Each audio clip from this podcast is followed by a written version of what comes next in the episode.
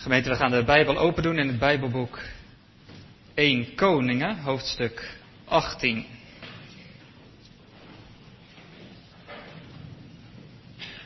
Eén Koningen, hoofdstuk 18.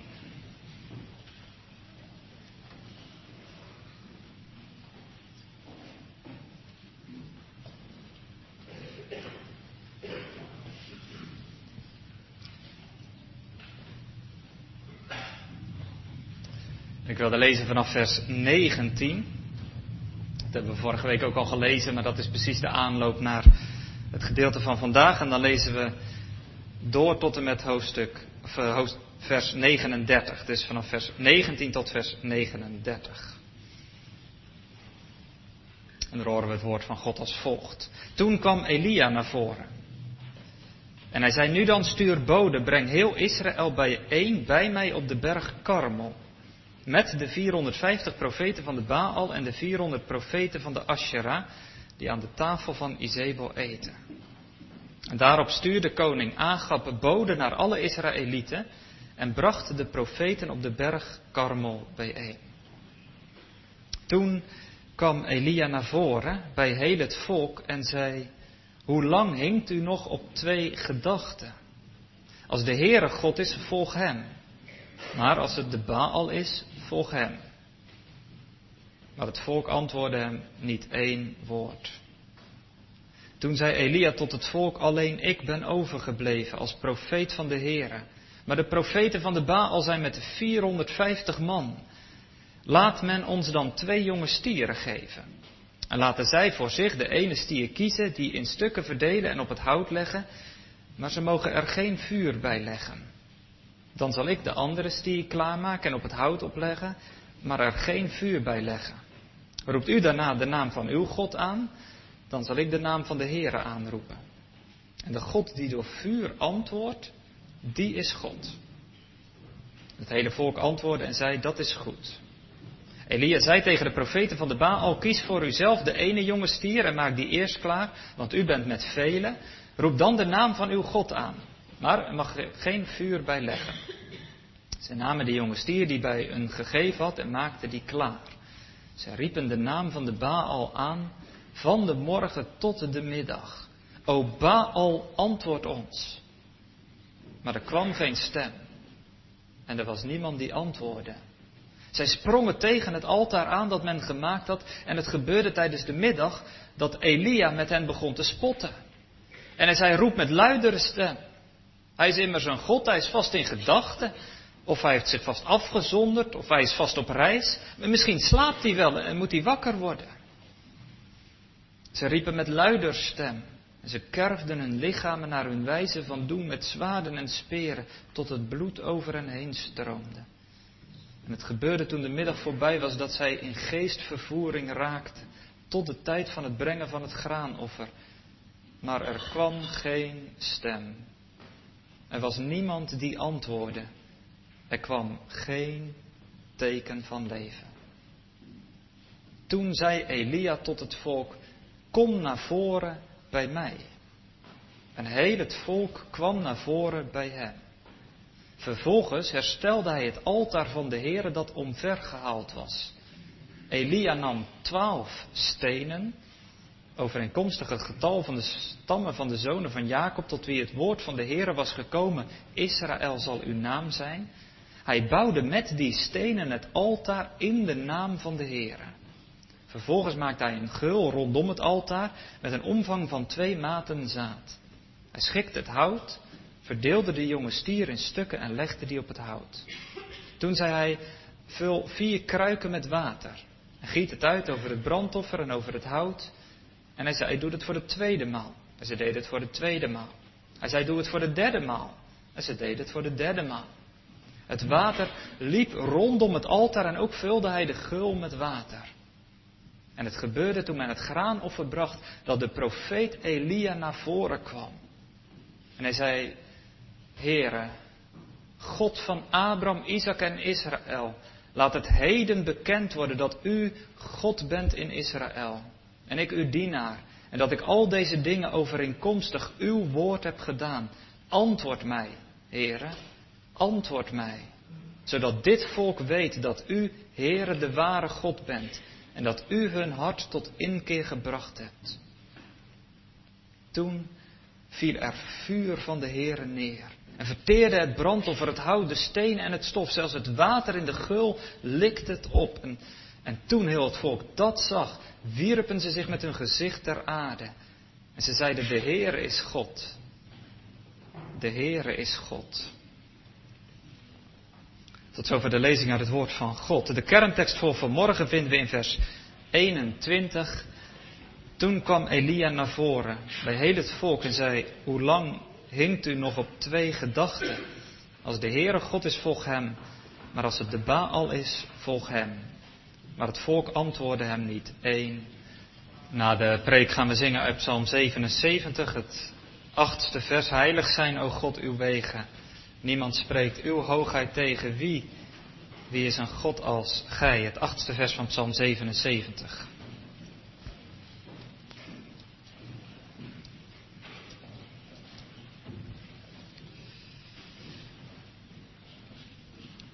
De tekst van vanmorgen vinden we dus in 1 Koningen 18, 18, vers 21. Toen kwam Elia naar voren bij heel het volk en zei, hoe lang hinkt u nog op twee gedachten? Als de Heere God is, volg hem. Maar als het de Baal is, volg hem. Maar het volk antwoordde hem niet één woord.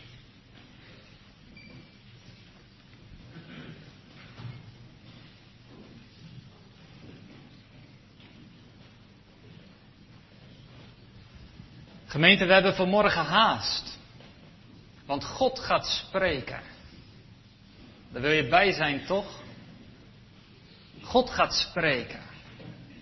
Ja, ik weet niet precies. Ik zou soms wel eens benieuwd zijn hoe het bij u voor de kerkdienst er thuis aan toe gaat. Misschien is het altijd best wel hectisch, ik kan me voorstellen, zeker met een gezin. Iedereen op tijd eh, uit bed trommelen aan het ontbijt.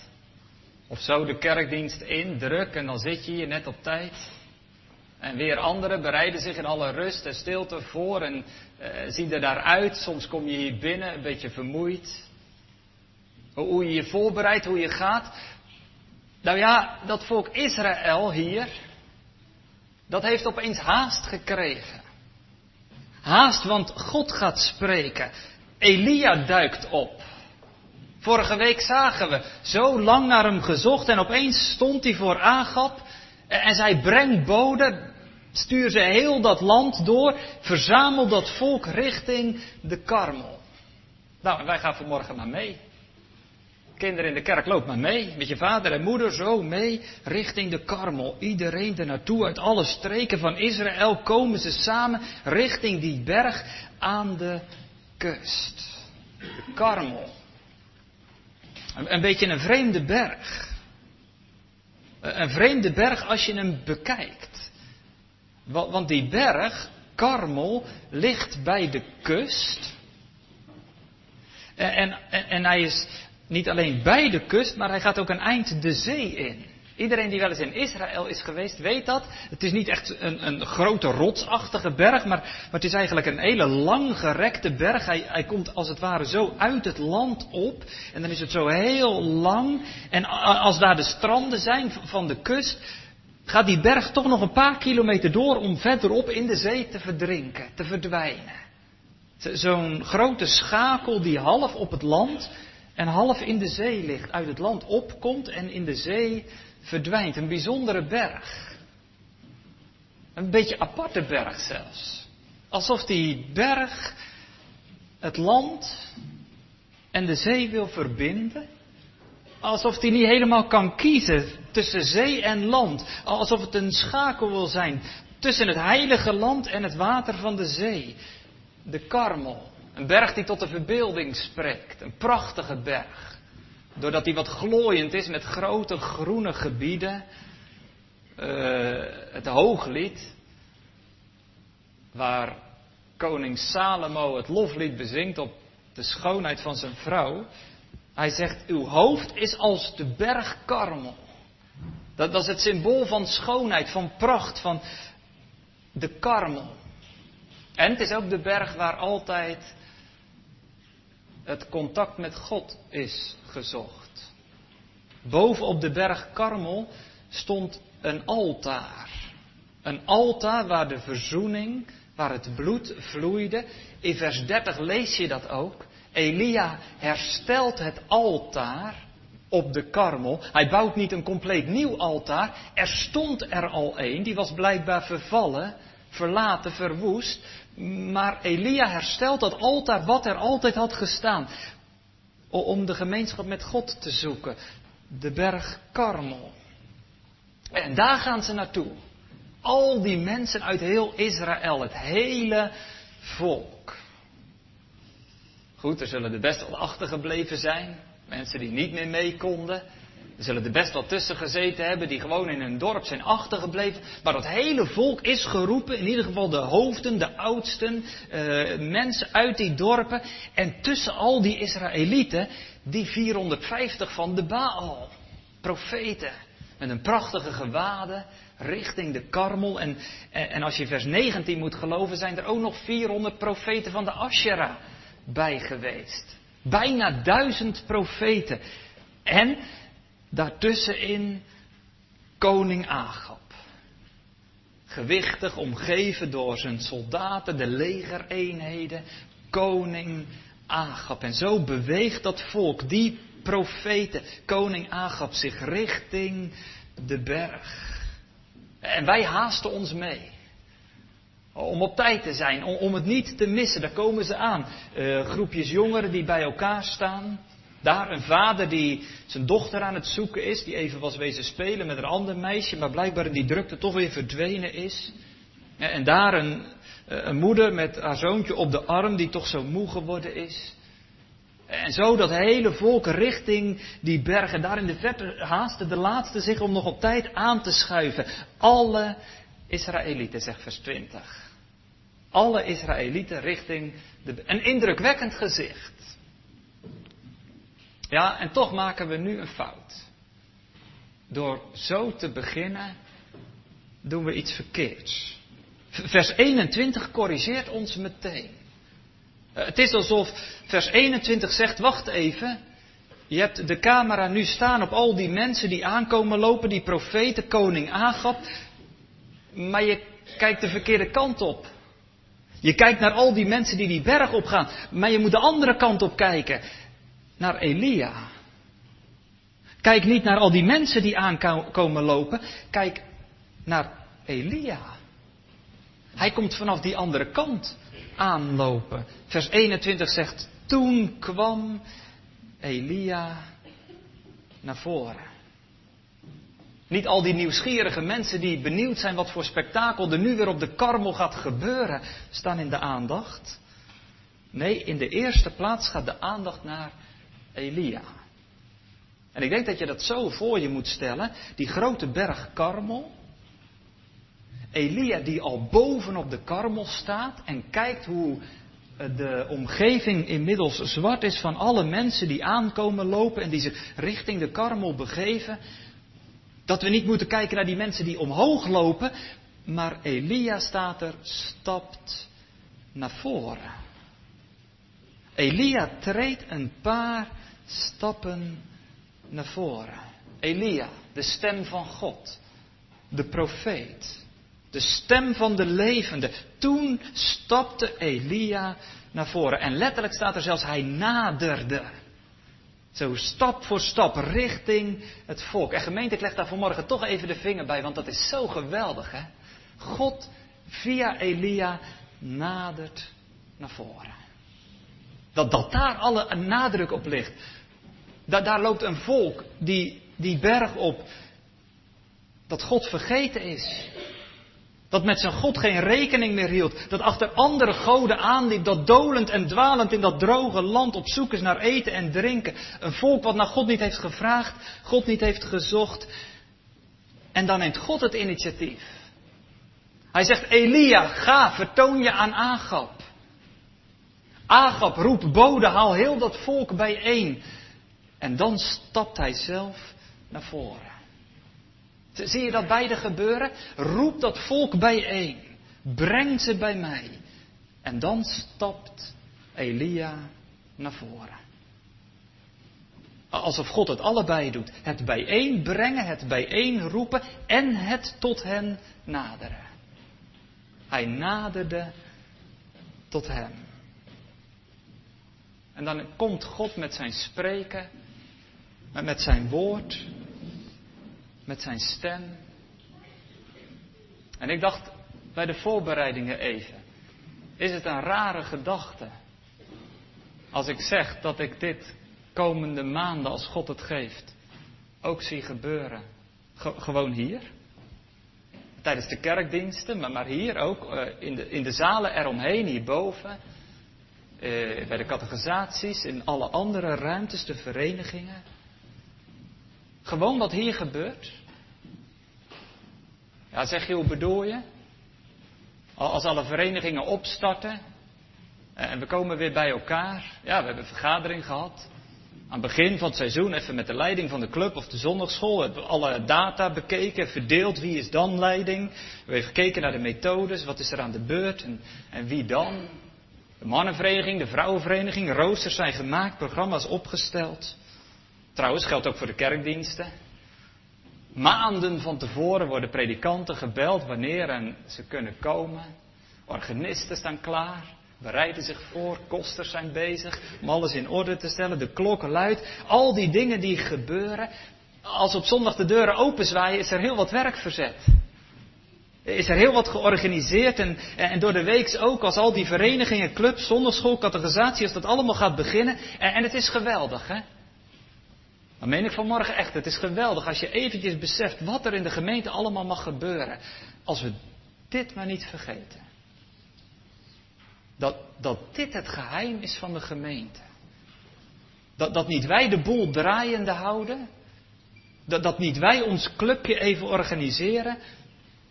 Maar dat God het is. Die samen roept. En als we dan samen komen, tot ons nadert. Dat niet wij de boel organiseren, maar dat Hij het is die roept en op dat moment zoekt en vindt. Zouden we eigenlijk eens aan moeten denken als je op het punt staat naar categorisatie te gaan. Of als het vanavond mannenvereniging is en je zit een beetje te aarzelen, zal ik gaan, wel druk. Of als de kerkklokken luiden, dat God daardoorheen de gemeente samenroept. Dat de gemeente niet van ons is, maar van God. Kerk. Dat wat van de Heere is. Agap roept dat volk bijeen. En daar komen ze aan van alle kanten, gehoorgevend aan die roepstem. En Elia treedt naar voren. Naar mensen dolend en dwalend in de duisternis. Naar mensen verloren van zichzelf, die naar God niet vragen, God niet zoeken. En hij spreekt, zondag aan zondag, kerkdienst aan kerkdienst. Elke keer als dat woord van God open gaat. Het is mooi, het initiatief ligt bij God. Elke keer opnieuw. Ja, en dan Elia. Misschien lees ik er te veel in hoor, maar zie je hier ook iets in van de Heer Jezus? Hoe Elia daar optreedt en naar dat volk toekomt. Elia wordt vaak vergeleken met Johannes de Doper. En ik denk dat dat ook wel terecht is. Johannes de Doper, de voorbereider, de vriend van de bruidegom, die uh, altijd bezig was om mensen in te winnen voor de Heer Jezus, om ze bij de Heer Jezus te krijgen. Maar, maar hier is hij bijna nog meer, hè, is, is die bijna een type van, van de Heer Jezus. Ik kom daar later ook nog op terug. Hoe die vanuit die berg nadert naar beneden. Zoals de Heer Jezus afdaalde en, en opzoekt. En dan wordt het ja, stil op zo'n berg. Zo'n vreemde stilte van zo'n massa mensen in de buitenlucht. Zo'n stilte zoals je dat soms kunt hebben op 4 mei, als je om 8 uur buiten bent. Bij de dodenherdenking. Dat, dat je met allemaal mensen stil bent en tegelijkertijd al die omgevingsgeluiden gaan gewoon door. Een vogel die, die wegschiet. Iemand die op een takje stapt. De wind die door de bomen raast. Die alledaagse geluiden die die stilte soms juist ook nog aangrijpender, nog gespannener maken. En onwillekeurig denk je, Wat gaat er nou in dat hart van dat volk om? Maar wat zullen ze nou denken? Daar komen ze massaal aan. En dan heeft God drie jaar lang tot hen gesproken via de megafoon van een droogte. Via de megafoon van het oordeel. En dat volk heeft niet als een Nineveh op de oordeelsprediking van Jona zich massaal naar God toegewend en gezegd, kunnen we nog wat doen, heren? Maar, maar ze hebben het zomaar over zich laten komen. En, en, iedereen weet, die droogte die is gelinkt aan Elia. De man die een gebed bad om droogte. Overal is naar hem gezocht, stad en land afge... Maar ze hebben hem niet gevonden. En opeens staat hij dan in, in hoogst eigen persoon voor hem. Ziet dat hele volk de profeet Elia. De knecht van God. De oorzaak van die driejarige droogte. Wat gaat er nou in hen om? Wat zullen ze nou denken nu ze Elia zo opeens voor hen zien staan?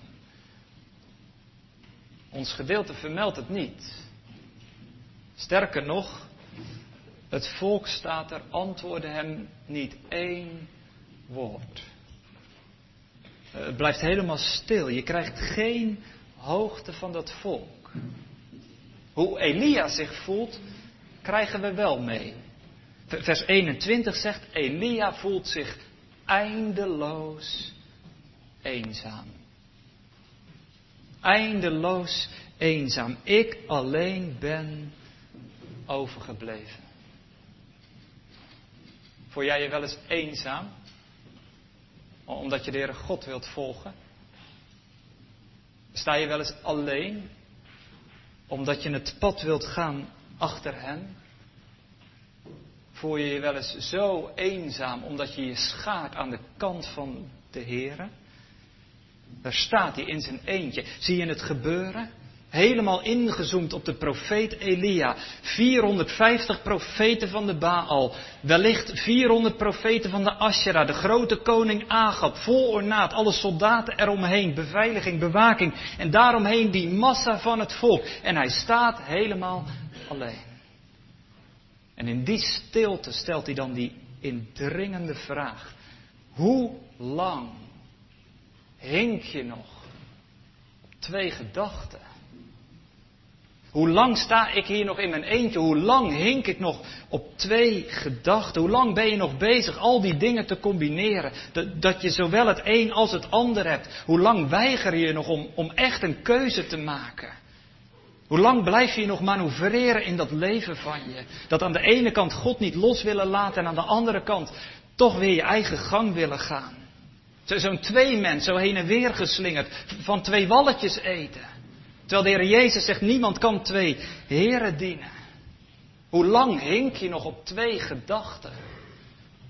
En het is niet zomaar een vraag waarin hij wat steun zoekt van het volk. Dat, dat hinken op twee gedachten is hier, is hier nog iets meer dan alleen uh, hinken. Nou ja, kinderen in de kerk, dat kun je misschien wel. Als ik zou vragen hier even door het pad, wie kan er een stukje hinken? Ik denk dat er een heel aantal van, van ons dat kunnen. Maar dat woord wat hier gebruikt wordt, is nog iets moeilijker. Letterlijk staat er iets als mank gaan. En ik dacht even, hoe kan ik dat uitleggen? Nou, dat moet je misschien zo zien. Stel je voor dat, je, dat we even buiten het dorp rijden en even zo'n weiland pakken. En met het, waar het gras echt een beetje hoog staat. En ik zou je vragen, wie kan hier een stuk doorheen hinken? Dat je met één been zo snel mogelijk naar die andere kant van zo'n weiland gaat. Nou, dan moet je voor één ding uitkijken. Als er in zo'n weiland onder dat gras een, een diep gat zit, dat je daar met je voet zo inkomt. Ja, nou, dat doet pijn. Hè? Dan kun je het echt je, je voet verstuikeren. Onwijs zeer. En meestal, als je met twee benen loopt, kun je met je andere been je nog een beetje opvangen. Maar als je hinkt, dan ga je meteen onderuit. Dat, is iets gevaarlijks. En, en dat beeld gebruikt hier Elia. Hoe lang hink je nog op twee gedachten? Je bent als het ware met twee benen aan beide kanten aan het hinken. En, en, en die toestand, als dat zo door blijft gaan, het is gevaarlijk. Opvallend dat Elia niet zegt, stel je Baaldienaars, je afgoden volgelingen. Waarom lopen jullie zo massaal achter die Baaldienst aan? Nee, zo spreekt hij ze niet aan. Ze, dat volk, dat zit er nog een beetje tussen. Elia negeert die Baalpriesters. Hij kijkt niet eens naar ze om, hoe indrukwekkend ze er misschien ook uit mogen zien. Hij richt zich tot het volk. Zij die tussen die twee dingen invoegen. En hij zegt, hoe lang hink je nog op twee gedachten? Ik wil geen tweede plaats in je leven. Hij zegt, ik wil zelfs geen gedeelde eerste plaats in je leven. Maar vanmorgen kijkt hij je aan en hij zegt, mag ik voor jou de nummer één zijn? Mag ik voor jou het één en het al zijn? Mag ik het centrum zijn? Mag ik jou alles zijn? O, neig mijn hart. Dat dubbele, dat hinken op twee gedachten. Neig mijn hart. Voeg het samen tot de vrezen van uw naam. Mag ik een man zijn? Mag ik een jongen zijn? Mag ik een vrouw zijn? Uit één stuk. Iemand op wie je aan kunt. Iemand die ervoor gaat. Iemand die keuzes maakt. Iemand die zegt, en hier wil ik voor leven. Hoe lang hink je nog op twee gedachten? Ja, zeg je, dat zou ik wel willen. Maar hoe dan? Gewoon in mijn concrete leven van alle dag, morgen als alle drukte weer begint. Ja, dan zit mijn dag zomaar weer vol met van alles en nog wat. En oh ja, tuurlijk. God. Geloof. Nou, ik wil je helpen aan de hand van een beeld. Maar dan moet je me beloven dat je dat beeld het komende winterseizoen meeneemt. En elke keer als je je agenda ziet en denkt aan de dag en hoe druk alles is, dat je dit even in gedachten neemt. Er was een docent op de middelbare school en die had op een dag een grote, ja wat was het, een soort glazen bloemenvaas bij zich. Zo'n grote, stel even een beetje voor, zo'n uh, waterglas, alleen dan uh, wat, wat groter, hè, wat, wat, breder. En hij zette dat zo voor zich neer op tafel en leerlingen kwamen binnen, een beetje nieuwsgierig, hè, wat staat er nou weer op tafel. Hij zegt, nou ik zal het zo wel laten zien. En toen iedereen zat, toen begon hij ermee. Hij zegt, ik heb een set tafeltennisballetjes bij me, van die uh, reepjes, hè, vijf of zes van die balletjes in zijn doosje. Hij zegt, hoeveel zullen erin gaan tot hij vol zit? Nou ja, allemaal een beetje schatten, aantallen worden genoemd, hij schreef het op het bord. Hij zegt, nou dan gaan we het gewoon testen. Dus hij pakt die tafeltennisballetjes en hij kiepert die allemaal zo in die bloemenvaas. Eén pakje, twee pakjes zo, hè, tot die vaas helemaal vol zit. En dan kijkt die leerling aan en zegt, en zit die vol? En die leerlingen knikken, ja inderdaad, misschien nog een beetje schudden, maar nu kan er niks meer bij. Oh, zegt die docent. En hij doet die tafeltennisballetjes weer weg. En hij pakt uit zijn la een zak grind. Hij zegt, zat die vol? En hij pakt dat grind van die kleine kiezelsteentjes en hij kiepert dat er zo bij. En tussen al die tafeltennisballetjes dat grind en hij schudt een beetje. En er blijkt toch heel veel grind bij te kunnen. En hij kijkt de leerlingen aan en zegt, zit die nu vol? Ja, die beginnen een beetje te aarzelen. Hè? Wat zal er nog meer uit zijn bureau komen? Nou, ja, op zich zit hij nu vol met grind. En die man die lacht een beetje en hij pakt uit zijn la een zak met sierzand. En hij kiept dat sierzand erbij en even later blijkt er nog heel veel sierzand bij te kunnen en hij schudt een beetje. Hij zegt, zit hij nu vol? Ja, sommigen beginnen te knikken. En nu, nu zit hij echt wel vol. Hij begint nog iets harder te lachen, hij pakt zijn flesje water. En hij kiepert dat waterflesje er zo helemaal in. Kan er ook nog in. Hij wil daar een les mee leren. Hij zegt, stel je voor dat ik het andersom deed. Als ik bijvoorbeeld eerst begin met het zand. Hadden die tafeltennisballetjes er nog ingekund? Nee. Hij zegt, begin met het belangrijkste. Daarna wat daarna komt. Daarna wat daarna komt. En tot slot dat water. Werk in de juiste volgorde. En zo moet het in je leven ook zijn.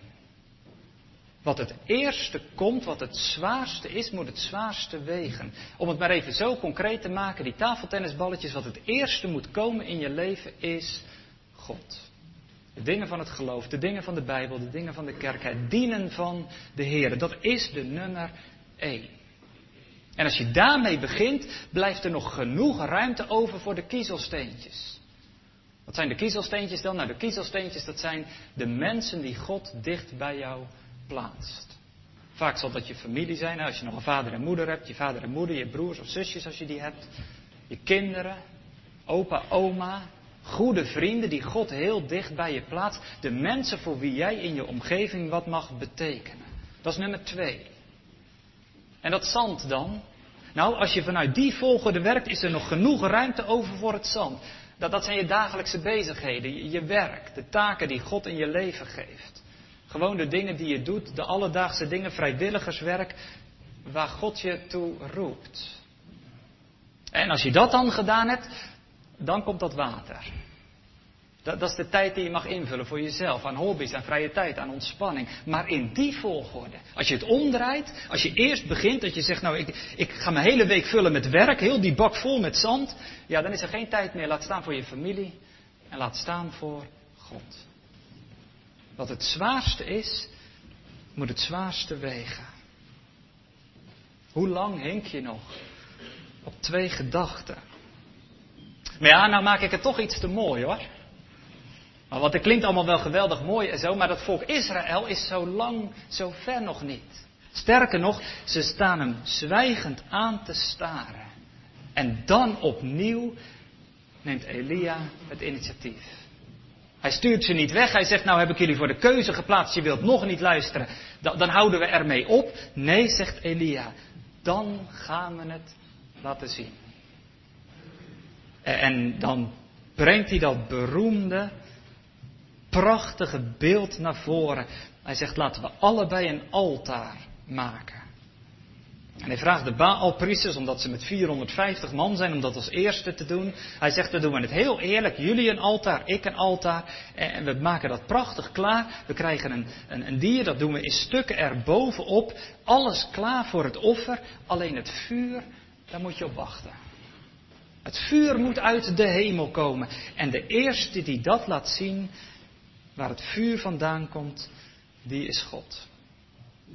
Ja, in deze geschiedenis lopen dan opeens heel veel lijnen samen. We hebben natuurlijk heel veel van Elia meegekregen en meegemaakt. En nu zie je al die lijnen samenkomen. Het begon met die droogte. Met zijn naam, de Heere is God. Mijn God is de Heere. Die Baaldienst, die Agap, eh, dat vluchten voor het volk. En nu op de karmel gaat God het zelf laten zien. Dan zijn ze beide bezig. Ja, die Baalpriesters, dat is een indrukwekkend gezicht hoor. Ik heb uh, gelezen bij de voorbereidingen. Zij voeren daar een soort rituele dans uit. Maar je denkt misschien, hè, die staan daar wat te springen rondom dat altaar. Maar dat, dat schijnt in de oudheid, zo'n zo rituele dans, dat schijnt een indrukwekkend mooi gezicht te zijn geweest. Al die Baalpriesters, allemaal in mooie kleding. Die dan met honderden tegelijk rondom zo'n altaar staan. En dat was allemaal tegelijk richting dat altaar en weer terug. En dat was een schitterende dans om te zien. Een prachtig gezicht. Daar stond je indrukwekkend naar te kijken. Dacht zo, dat gaat goed. En stonden ze allemaal met honderden precies tegelijk in het ritme, in de maat, te dansen rondom dat altaar. En, en op een gegeven moment, dan, dan raken ze zelfs in extase ervan. Dat is best wel een belangrijke les. De afgoden zijn niet onaantrekkelijk om te zien. Dat is het probleem van afgoden. Als ze er maar verschrikkelijk uitzagen, dan hadden we er niet zo'n last van.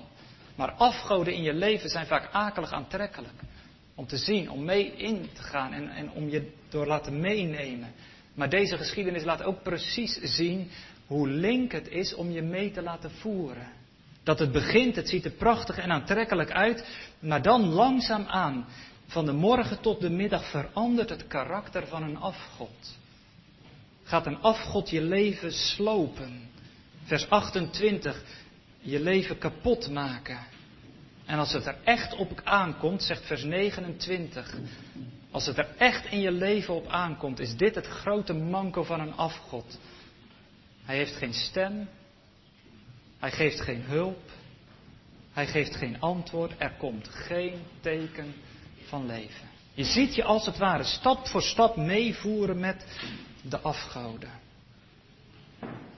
Ja, en dan Elia, vers 30. Elia zegt, nader nu tot mij. Hé, hey, dat hebben we aan het begin van de preek gezien. Elia die de berg afdaalde naar beneden, naar het volk toe, zegt nu tegen het volk en kom nu met mij mee naar boven. Nader nu tot mij. Kom naar voren. Die, die twee bewegingen. Eerst daalt Elia af namens God. En nu neemt hij het volk mee. En komt hij namens het volk richting God. Daarom niet verbazend dat, dat hij twaalf stenen neerlegt. En dat hij dan op dat moment, de zon is inmiddels over zijn hoogtepunt heen. De avond valt in, het is drie uur geweest. De tijd van het graanoffer, zegt de tekst twee keer. Kilometers verderop in Jeruzalem wordt precies op dit moment het avondoffer gehouden. Het graanoffer, de bediening van verzoening. Waar, waar de zonden van het volk worden gebracht voor het aangezicht van God. Elia brengt alles in gereedheid, maakt het altaar kletsnat, alsof hij alle verdenkingen wil, wil wegduwen. En dan ziet het er veel minder indrukwekkend uit. Geen geluid, geen rituele dans, geen prachtig massaal gezicht, maar één man die zijn handen vouwt. En die één harte kreet doet naar de hemel. Heere, God van Abraham, Isaac en Israël. U die uw naam gelegd hebt op dit volk. Dit volk wat zo hinkt op twee gedachten. Laat alstublieft zien dat u God bent. Antwoord mij. Antwoord mij. En met dat hij het bidt gebeurt het. Wonderlijk genoeg, ontzagwekkend, vuur uit de hemel, vanuit de hemel, op dat altaar. En voor je het ziet, is dat hele altaar verteerd. Het water, het vocht, de, de, de stenen, er is niets meer van te zien. Komt daar vuur uit de hemel. Antwoord God. God spreekt. Dat wil je toch niet missen? God antwoordt. En Spurgeon heeft ergens gezegd, ons hart lijkt op zo'n altaar.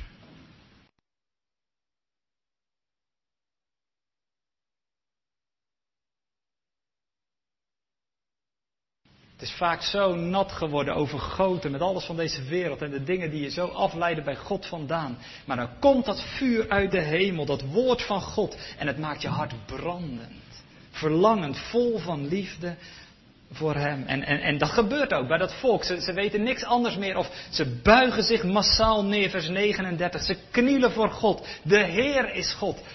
De Heer is God. Ja, hoor ik iemand een klein beetje sarcastisch zeggen. Eindelijk. Eindelijk. Al hadden ze wel wat eerder kunnen zeggen. Al hadden ze misschien in vers 21 wel mee kunnen komen. Toen stond Elia helemaal alleen. En dan nu, na alles wat ze gezien hebben, ja, nu willen ze wel. Eindelijk. Ja, ik snap je wel. Maar zeg eens eerlijk. Gaat het bij jou zoveel sneller? Gaat het bij u zoveel soepeler? Heeft de Heilige Geest aan, aan jou zoveel minder werk om je op de knieën te krijgen? Om je te brengen bij God? Augustinus die heeft ergens gezegd, veel te laat heb ik u lief gekregen. Als het gaat over het dienen van God. Veel te laat heb ik u lief gekregen. Ja, ik zie anderen misschien een beetje zuinig kijken. U denkt, ja, dat hele volk massaal op de knieën, het zal wel. Zal het allemaal oprecht zijn? Zal het allemaal van die echte beleidenissen zijn, van die echte bekeringen? Net niemand en nu opeens iedereen, zonder enige uitzondering, vallen ze allemaal neer. En ik moet het eerst nog maar eens zien.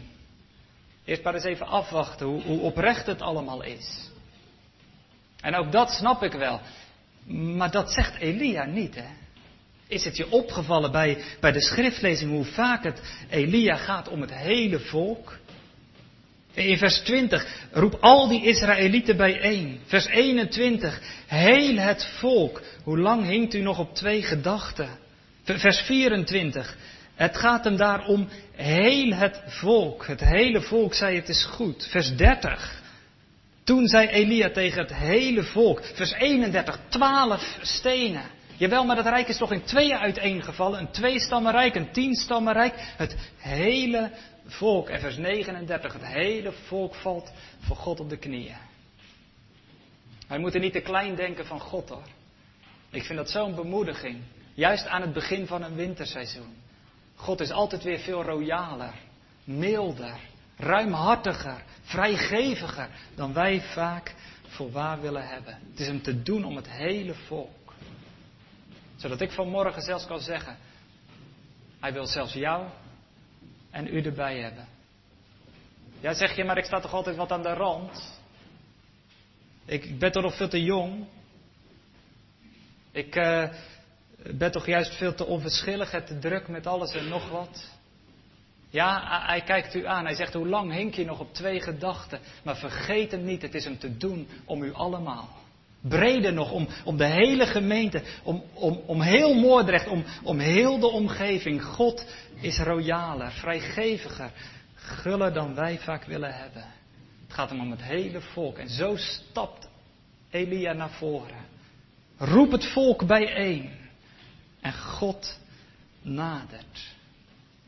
God gaat spreken. Dat wil je niet missen, toch? Amen.